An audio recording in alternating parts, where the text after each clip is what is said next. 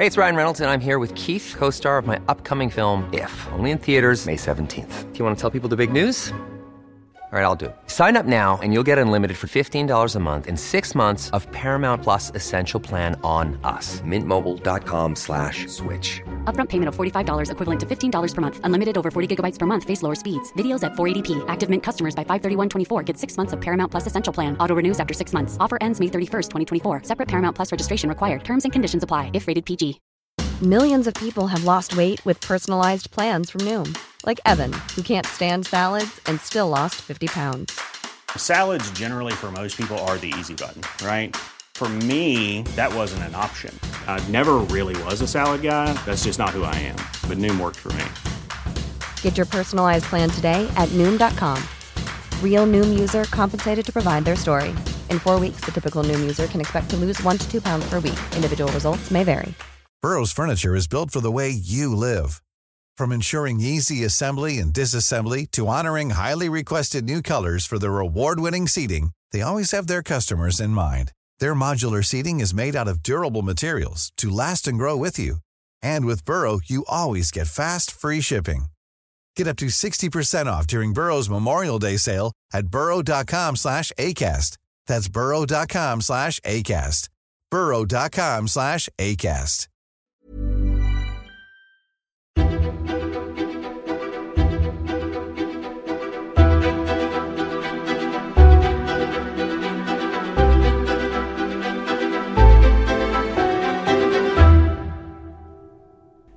Välkomna till Krimmagasinet, en aktualitetspodd inom ämnet True Crime.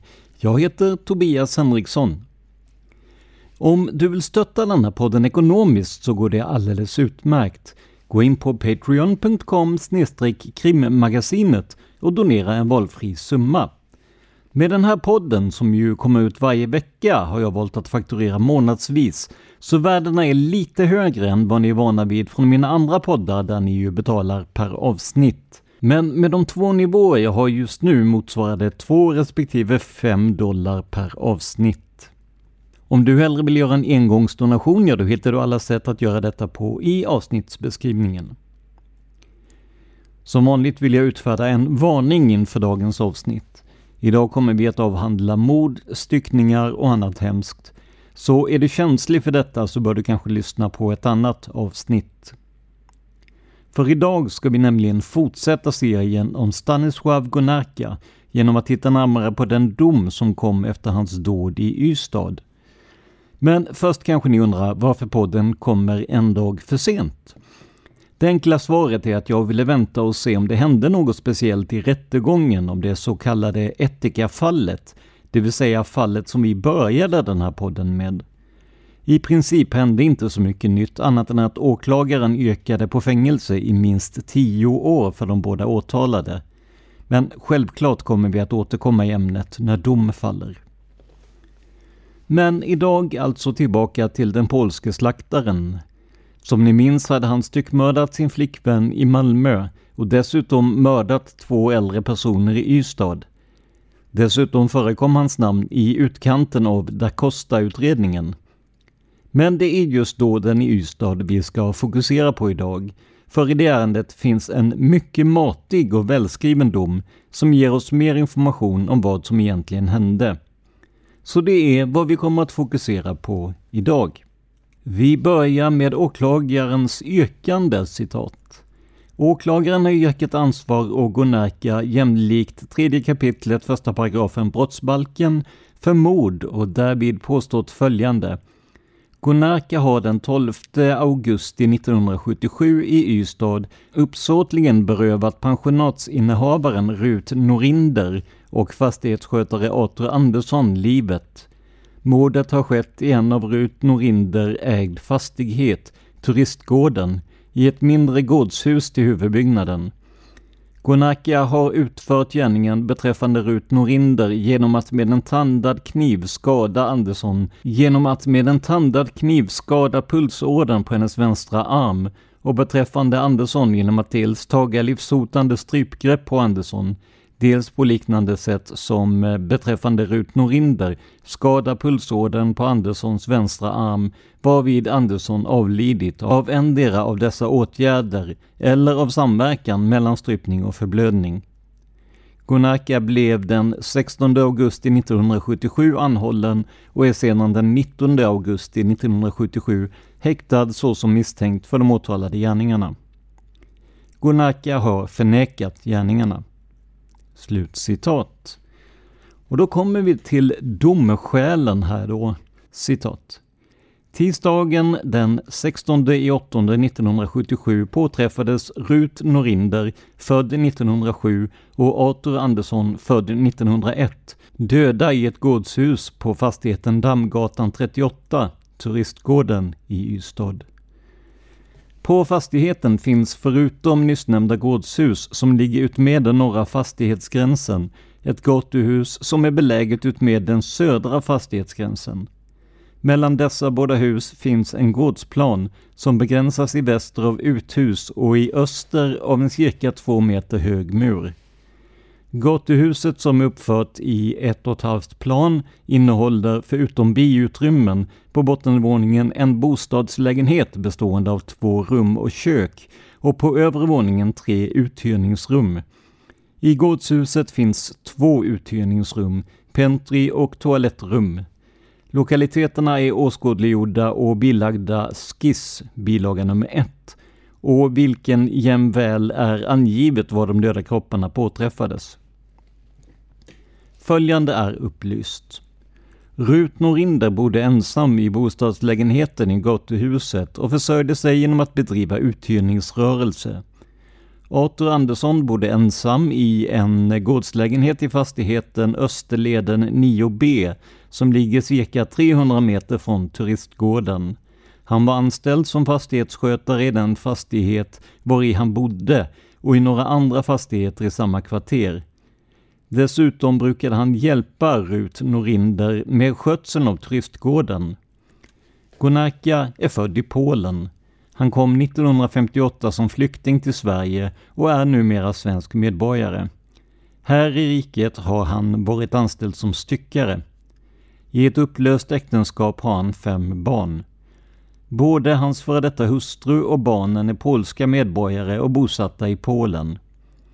Gonarka dömdes den 11 3 1975 av Malmö tingsrätt till sluten psykiatrisk vård och intogs efter domen på Sankt Sigfrids sjukhus i Växjö.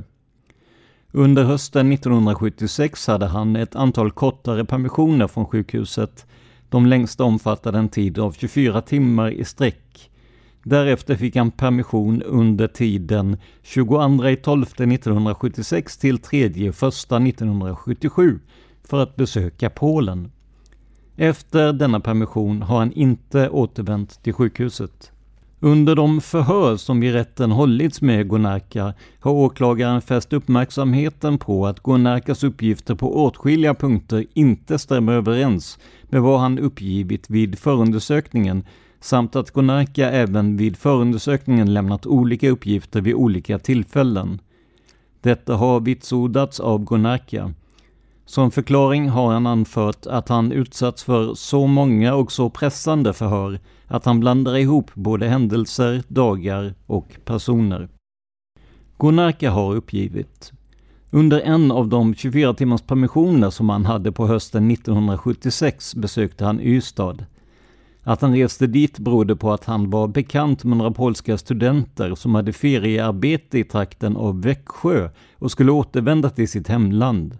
Studenterna färdades under hemresan i bil från Växjö till Ystad och Gunnarka fick följa med i bilen. Efter ankomsten till Ystad besökte han restaurang Kajutan och träffade där Arthur Andersson, som han inte sett tidigare. Gonarka och Arthur Andersson drack på restaurangen ett par supar tillsammans och följdes därefter åt till den sistnämndes bostad, där Gonarka övernattade.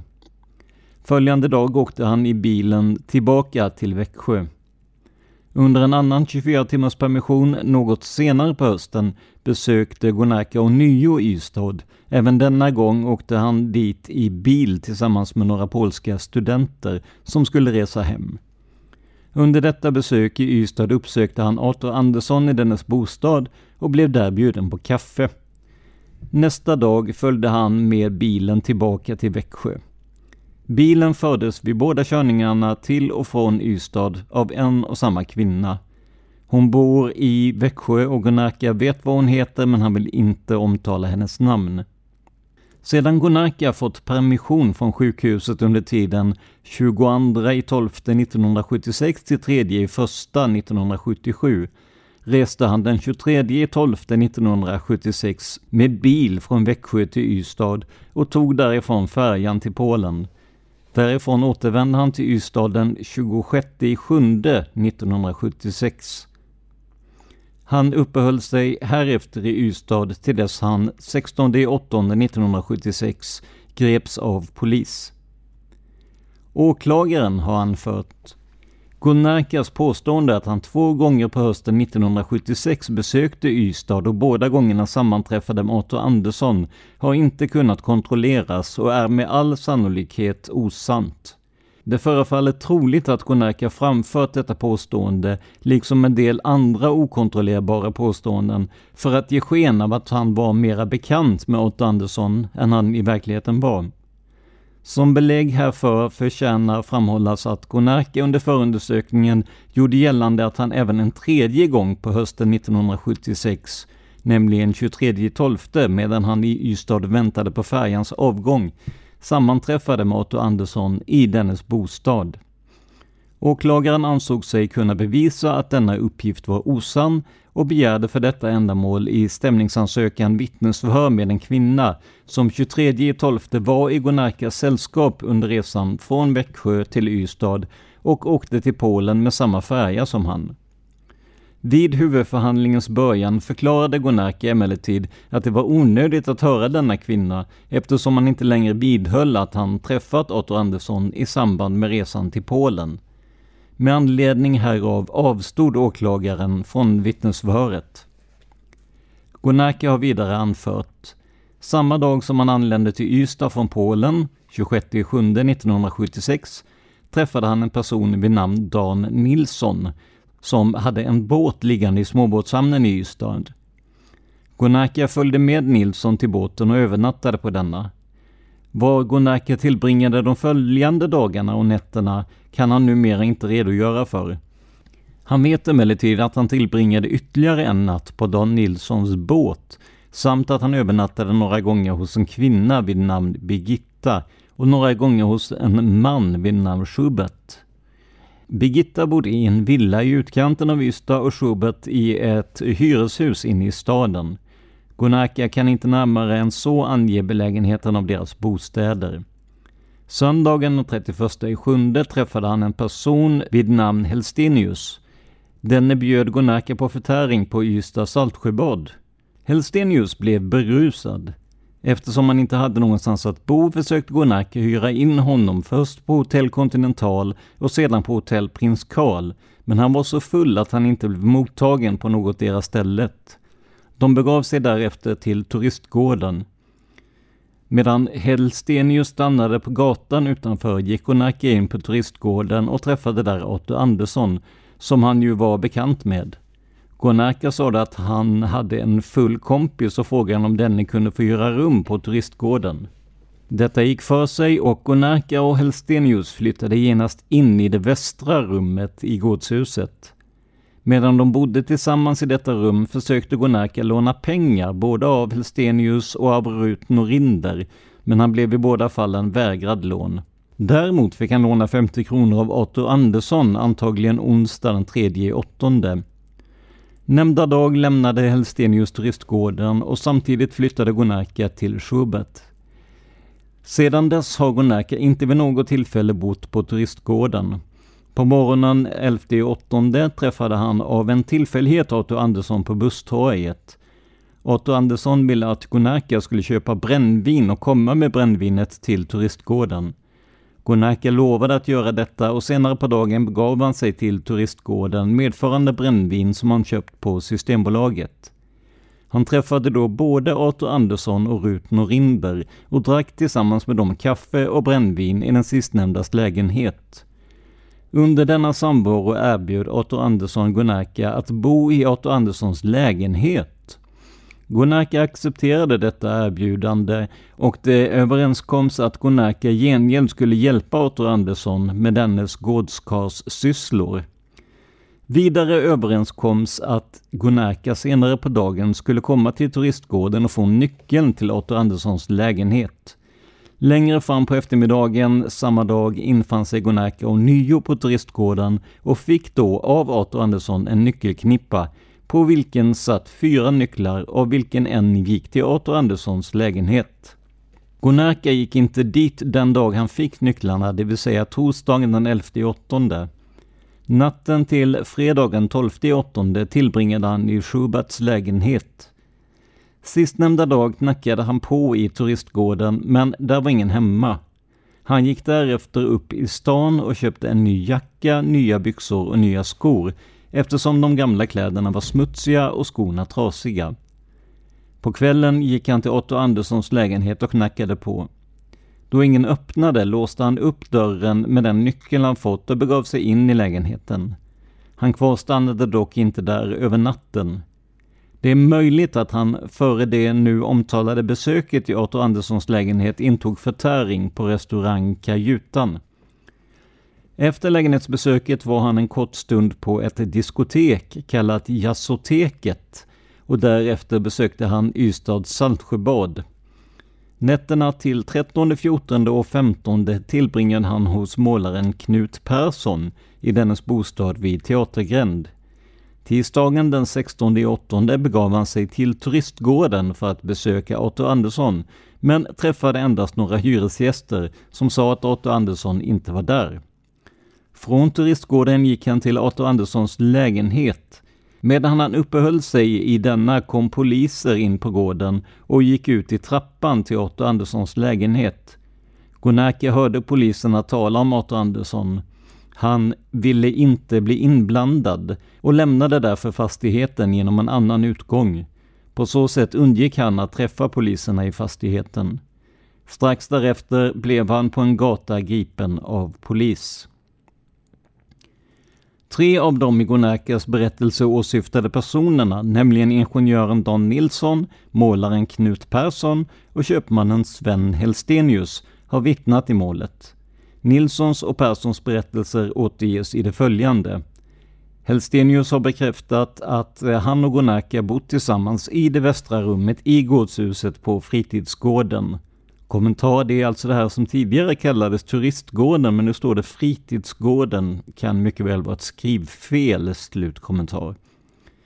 Enligt Helstenius flyttade de in i rummet troligen 31 i sjunde och nyttjade det gemensamt till dess Helstenius avreste från Ystad, troligen 6-8. Åklagaren har upplyst att vidlyftiga men resultatlösa efterforskningar gjorts för att identifiera de av Gonerka omnämnda personerna Schubert och Birgitta. Rörande dessa efterforskningar har första kriminalassistent Lars Håkansson hört som vittne. Av hans berättelse framgår bland annat följande. Konarka har vallats i skilda delar av Ystad och han har därvid inte kunnat utpeka vare sig Schuberts eller Birgittas bostad. Verkställda undersökningar har givit vid handen att någon person vid namn Schubert inte är skriven i Ystad. Namnet Schubert förekommer inte heller i polisens register över öknamn. Efterforskningar har gjorts för att utröna huruvida någon går under öknamnet Schubert trots att anteckning därom ej gjorts i öknamnsregistret, men inte heller dessa efterforskningar har givit resultat. Åklagaren har upplyst att det under förundersökningen framkommit att Gonarka under sin vistelse i Ystad ibland hade gott om pengar som han använde bland annat för restaurangbesök och spritinköp och ibland saknade pengar och behövde låna samt att misstankar yppats om att han stulit pengar från några av de personer med vilka han umgåtts. Detta har förnekats av Gonarka som anfört då han lämnade Polen fick han 200 US-dollars och 6000 slotti av en kvinna som han blivit bekant med under Polenvistelsen. Denna valuta sålde han för sammanlagt 1500 svenska kronor till enskilda personer som han träffade i Ystad.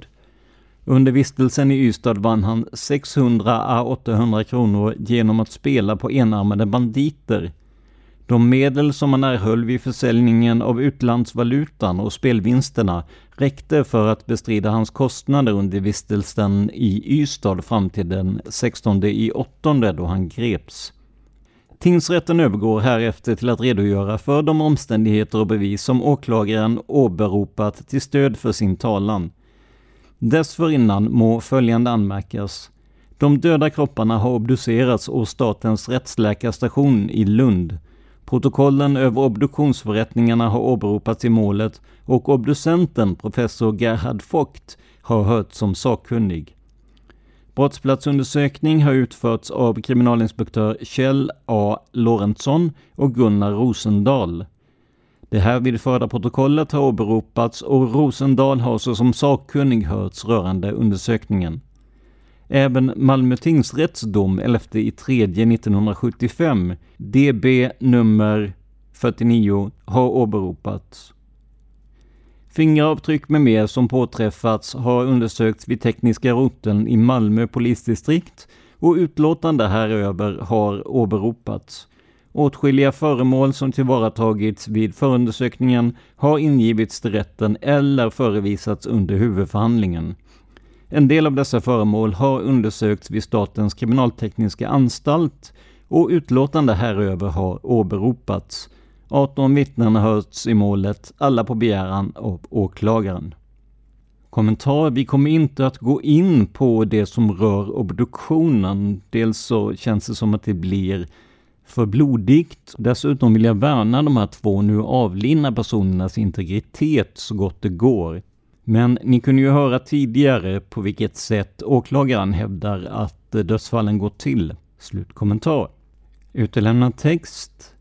Innan redogörelse lämnas för vad Vogt ytterligare uppgivit ska nämnas följande som inhämtats från Malmö tingsrätt ovan omnämnda 11 3 1975 meddelade dom 24 8 1974 påträffades låren och underbenen av en människa i en sopcontainer i Malmö och bålen av en människa på balkongen till en av Gonärka bebodd lägenhet därstädes.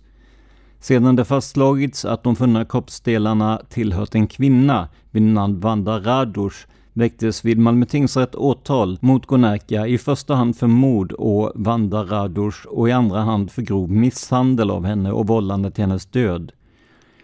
Gonarka förnekade att han mördat Vanda Radush men erkände att han misshandlat henne och därigenom vållat hennes död. Han uppgav att han efter hennes död styckat hennes kropp samt placerat vissa delar därav i en sopcontainer och andra delar, däribland huvudet, i en annan sopcontainer. Obduktion av de funna likdelarna, huvudet hittades inte, verkställdes av Vogt och hans utlåtande över obduktionen åberopades i målet.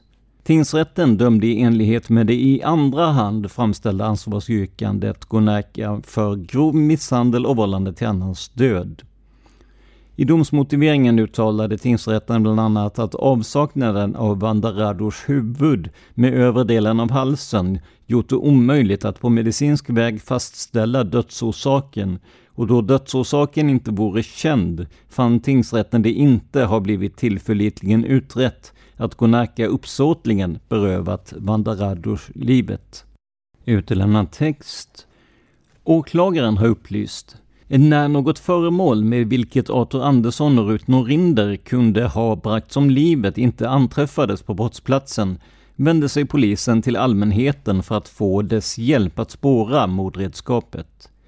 6.9.1977 omtalade ingenjören Don Nilsson att hans hustru försommaren 1977 på varuhuset Domus köpt ett set bestående av tre knivar i olika storlekar. Att en av dessa knivar, vilka användes ombord och Nilssons båt, försvunnit samt att försvinnandet upptäckts 12 8. Polisen skaffade därefter från Domus ett knivset, likadant som det av fru Nilsson inköpta.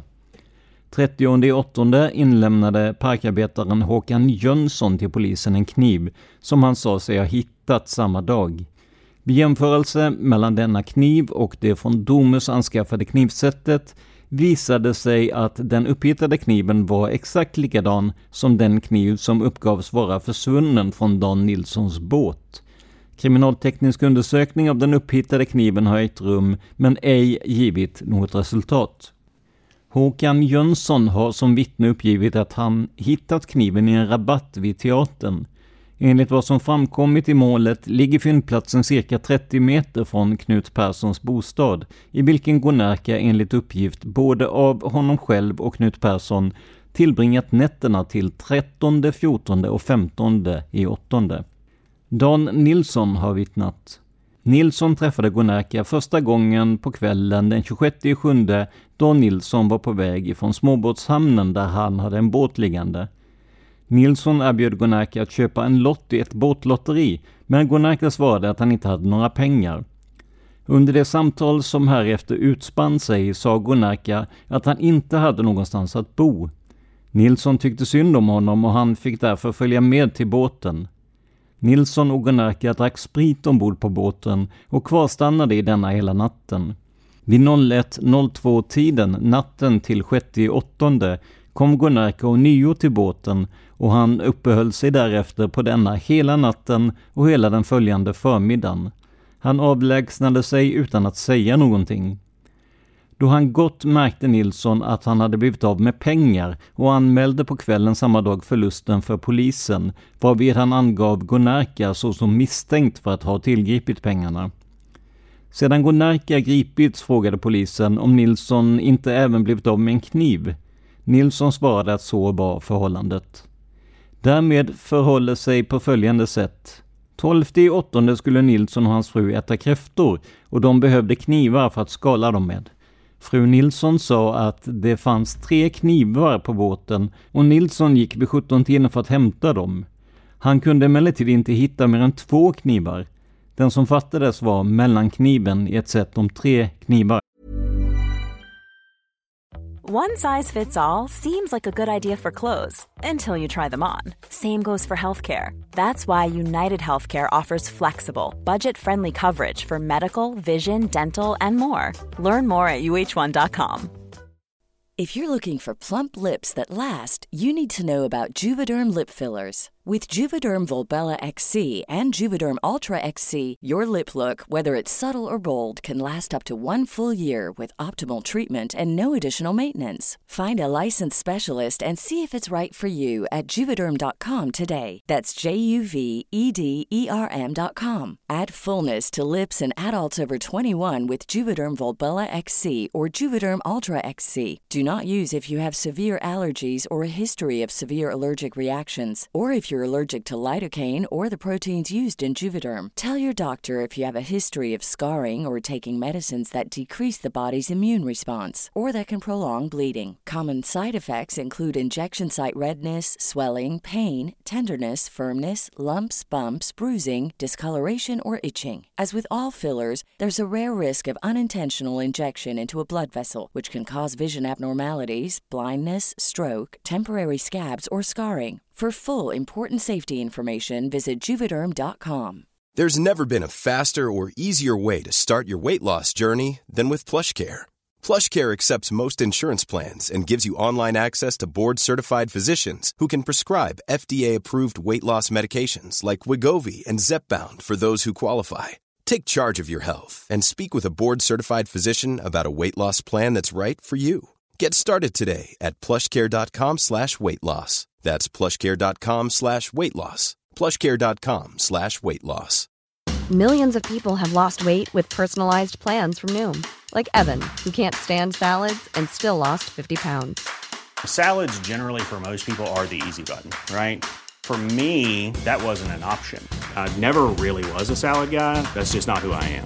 But Noom worked for me. Get your personalized plan today at Noom.com. Real Noom user compensated to provide their story.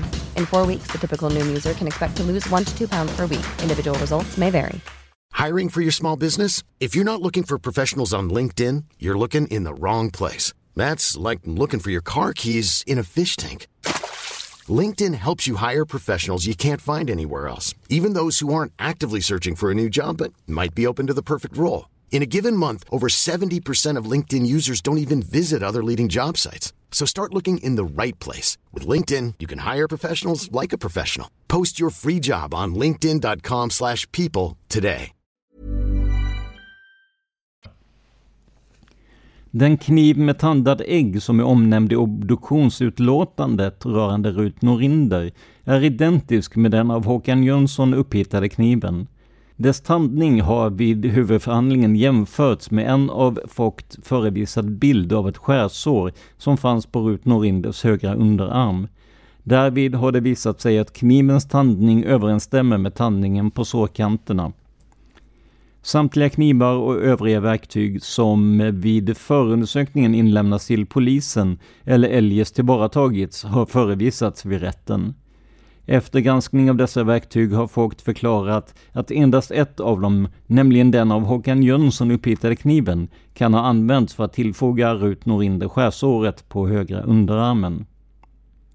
Tidpunkten för gärningarna Reparatören Gunnar Wennberg har som vittne uppgivit Torsdag 11.8 anlände Wennberg, som är bosatt i Göteborg, med sin familj till Ystad för att fira semester. Familjen tog in på turistgården där Wennberg bott tidigare.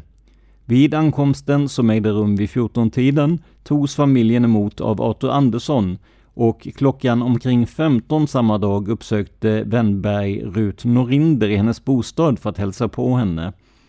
Hon låg då till sängs men verkade pigg. Sedan dess har Wennberg inte sett henne. Familjen Wennberg bodde på övre våningen i gatuhuset i ett rum som vette mot gårdsplanen. Vid åtta tiden på morgonen 12 åttonde, då Wennberg höll på att raka sig, såg han genom fönstret Arthur Andersson uppehålla sig på gårdsplanen. Wennberg hörde att Arthur Andersson pratade med en man som talade bruten svenska, men kunde inte uppfatta vad som sades. Samtalet var ganska högröstat, men tonen var inte ovänlig. Wennberg kunde inte se den man som Arthur Andersson talade med. Efter de nu omvittnade iakttagelserna har Wennberg inte sett Arthur Andersson. Åklagaren har anfört. Av Wennbergs vittnesmål framgår att Rut Norinder levde vid 15-tiden den 11 åttonde och att Arthur Andersson levde vid 8-tiden 12 åttonde. Så vitt man vet har ingen annan än gärningsmannen sett dem vid liv efter de angivna tidpunkterna. På turistgården finns ytterbelysning som brukar vara släckt på dagarna. Denna belysning släcktes inte på morgonen den 12 åttonde och brann alltjämt på kvällen 13 åttonde då en granne till Rut Norinder ringde till polisen och anmälde att Rut Norinder inte synts till de senaste dagarna samt att rullgardinerna i hennes lägenhet var neddragna och ytterbelysningen på turistgården tänd sedan den 11 åttonde. Åklagaren har inte ansett det nödvändigt att höra anmälaren om dessa iakttagelser, som till riktigheten är helt ostridiga i målet.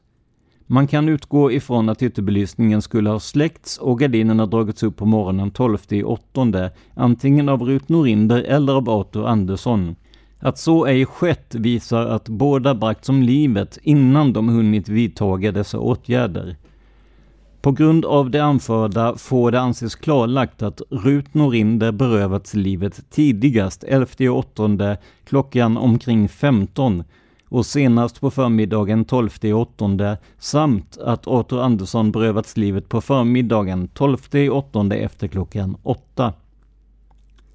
Fynd i gårdshuset vid brottsplatsundersökningen gjordes bland annat följande iakttagelser.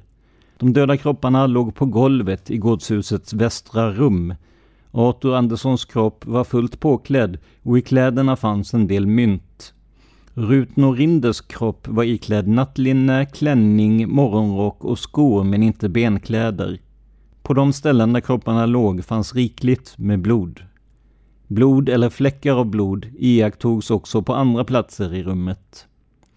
Även på förstugans golv fanns droppar av blod. Utmed pentryts östra vägg stod en soffa. På denna låg en filt sammanvikt som till en huvudkudde. Filten hade en nedtryckning som om ett huvud vilat mot densamma. På och under soffan låg en del mynt. På soffan låg också en nyckel. I soffans sits fanns en reva med skarpa kanter. Blodfläckar iakttogs på en del ställen i pentryt, bland annat på tapeten bakom soffan och på fönstergardinerna. På baksidan av soffans ryggstöd cirka 40 cm från södra kottändan påträffades ett fingeravtryck. Det var avsatt med vänster hand och med fingrarna lutande snett nedåt mot soffans mitt. På ett bord framför soffan stod en emaljerad elektrisk spis. Emaljen var avflagad på två ställen. På soffan och på golvet mellan denna och bordet påträffades flagor av emalj.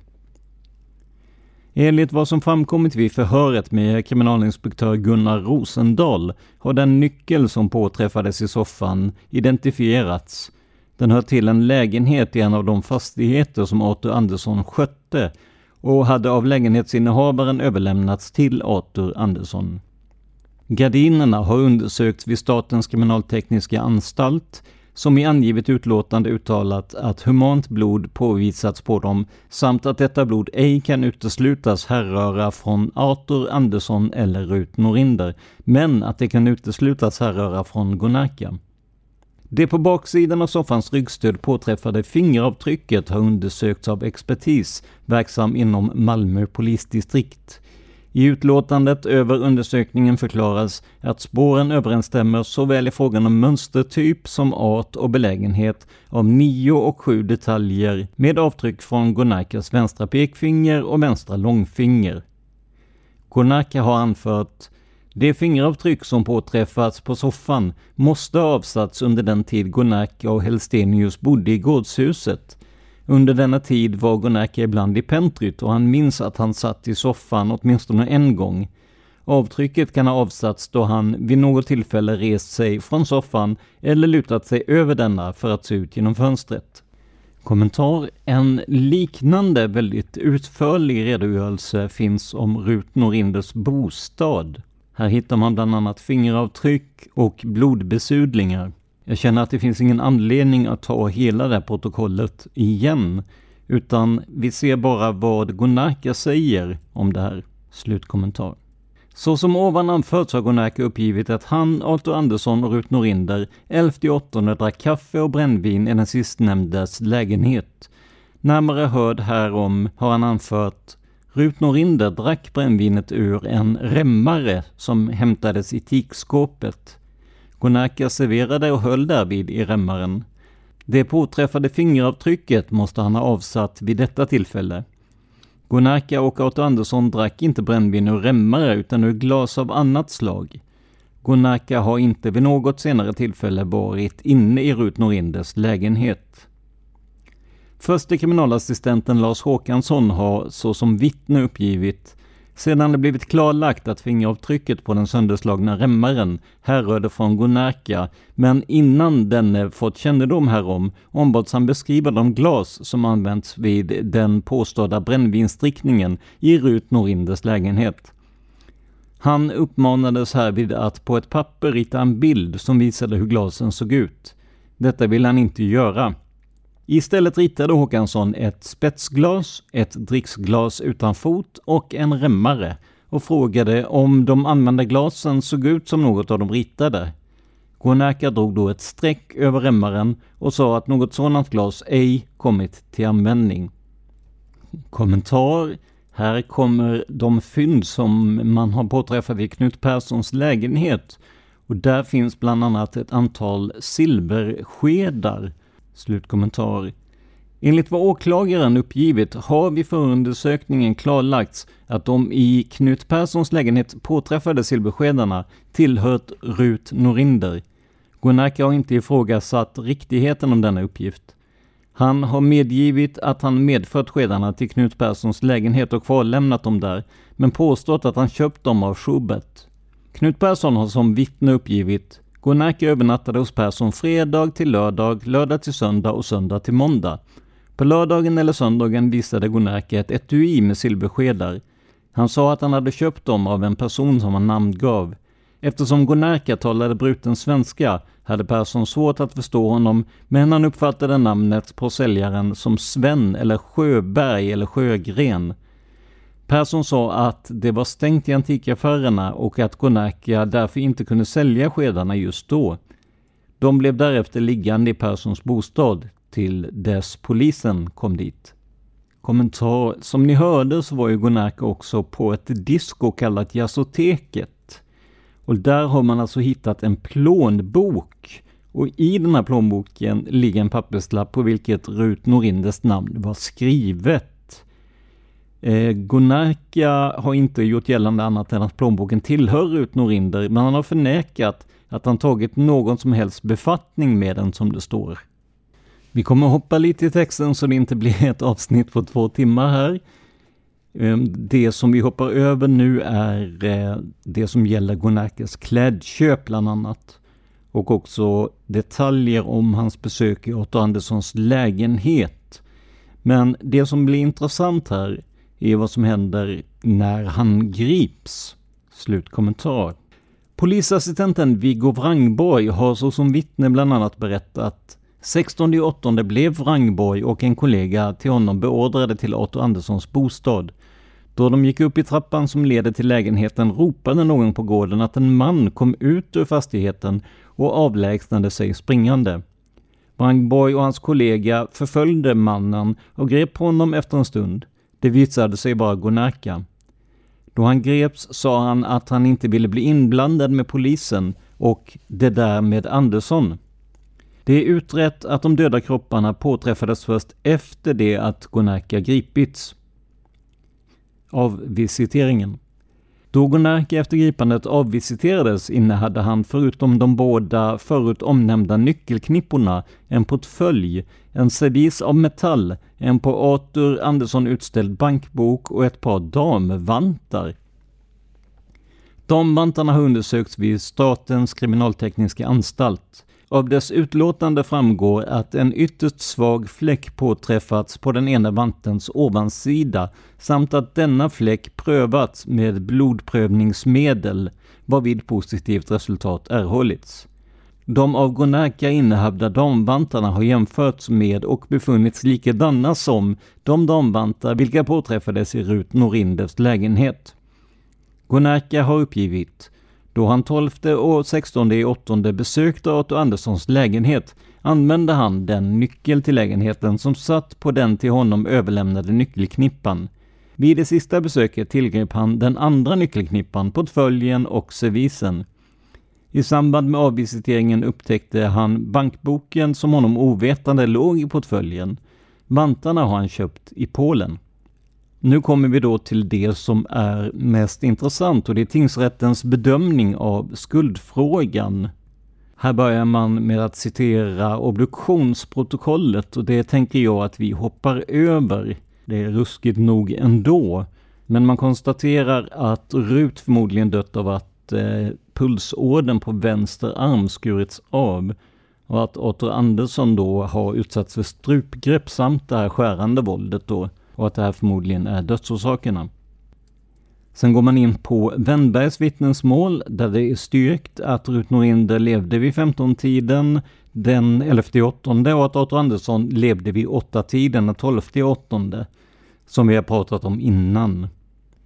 Man går också in på den kniv som saknades från Dan Nilsson och konstaterar återigen då att den stämmer bra överens med eh, sårkanterna på de skador som tillfogats Rut Norinder. Därefter sammanfattar man styckmordet som skedde i Malmö som Gunnar Acke fälldes till ansvar för. Man tittar på fynden i gårdshuset Pentry och konstaterar att man hittat ett fingeravtryck som härrör från Gunarka. Man skriver citat detta är i och för sig inte anmärkningsvärt eftersom han enligt vad som framkommit i målet bott i gårdshuset några dagar i veckan 31 7 till 6 8. Anmärkningsvärt är däremot att fingeravtrycket fanns på baksidan av soffans rygg och visade sådan fingerriktning att det måste antagas ha blivit avsatt vid ett tillfälle då Gonärka med vänstra handen stödd mot soffryggen stod böjd över den del av soffan på vilken vid brottsplatsundersökningen låg en sammanvikt filt som var nedtryckt som om ett huvud vilat mot densamma. I målet är utrett att stöld förövats i Rut Norinders lägenhet, uppenbarligen kort efter hennes död. I lägenheten har bland annat påträffats ett fingeravtryck på en sönderslagen remmare och ett textilavtryck på en garderobsdörr. Det är bevisat att fingeravtrycket avsatts av Gonarka och vid expertundersökning har likheter påvisats mellan mönstringen i textilavtrycket och mönstringen i en Gonarka tillhörig tröja som påträffades i Knut Perssons bostad. Utelämnad text. Då Gonarka greps innehade han två nyckelknippor. Var och en av dem innehöll ett flertal nycklar, av vilka en passade till Arthur Anderssons lägenhet. Gonarka har erkänt att han efter Arthur Anderssons död besökt dennes lägenhet och har som förklaring härtill uppgivit att Arthur Andersson 11.8 givit honom tillstånd att bo i lägenheten och till bekräftelse härpå överlämnat den ena nyckelknippan till honom. Av utredningen i målet framgår att Gonarka på kvällen 12.8 begav sig till det hus var i Arthur Andersson bodde, anställde förfrågningar om var Otto Anderssons lägenhet låg och sa sig skola lämna nycklar till honom. Att han efter att ha erhållit den begärda upplysningen beredde sig tillträde till lägenheten samt att han åtminstone en gång senare, nämligen 16.8, besökt lägenheten. Det är vidare utrett att han i lägenheten stulit en servis av metall och en portfölj.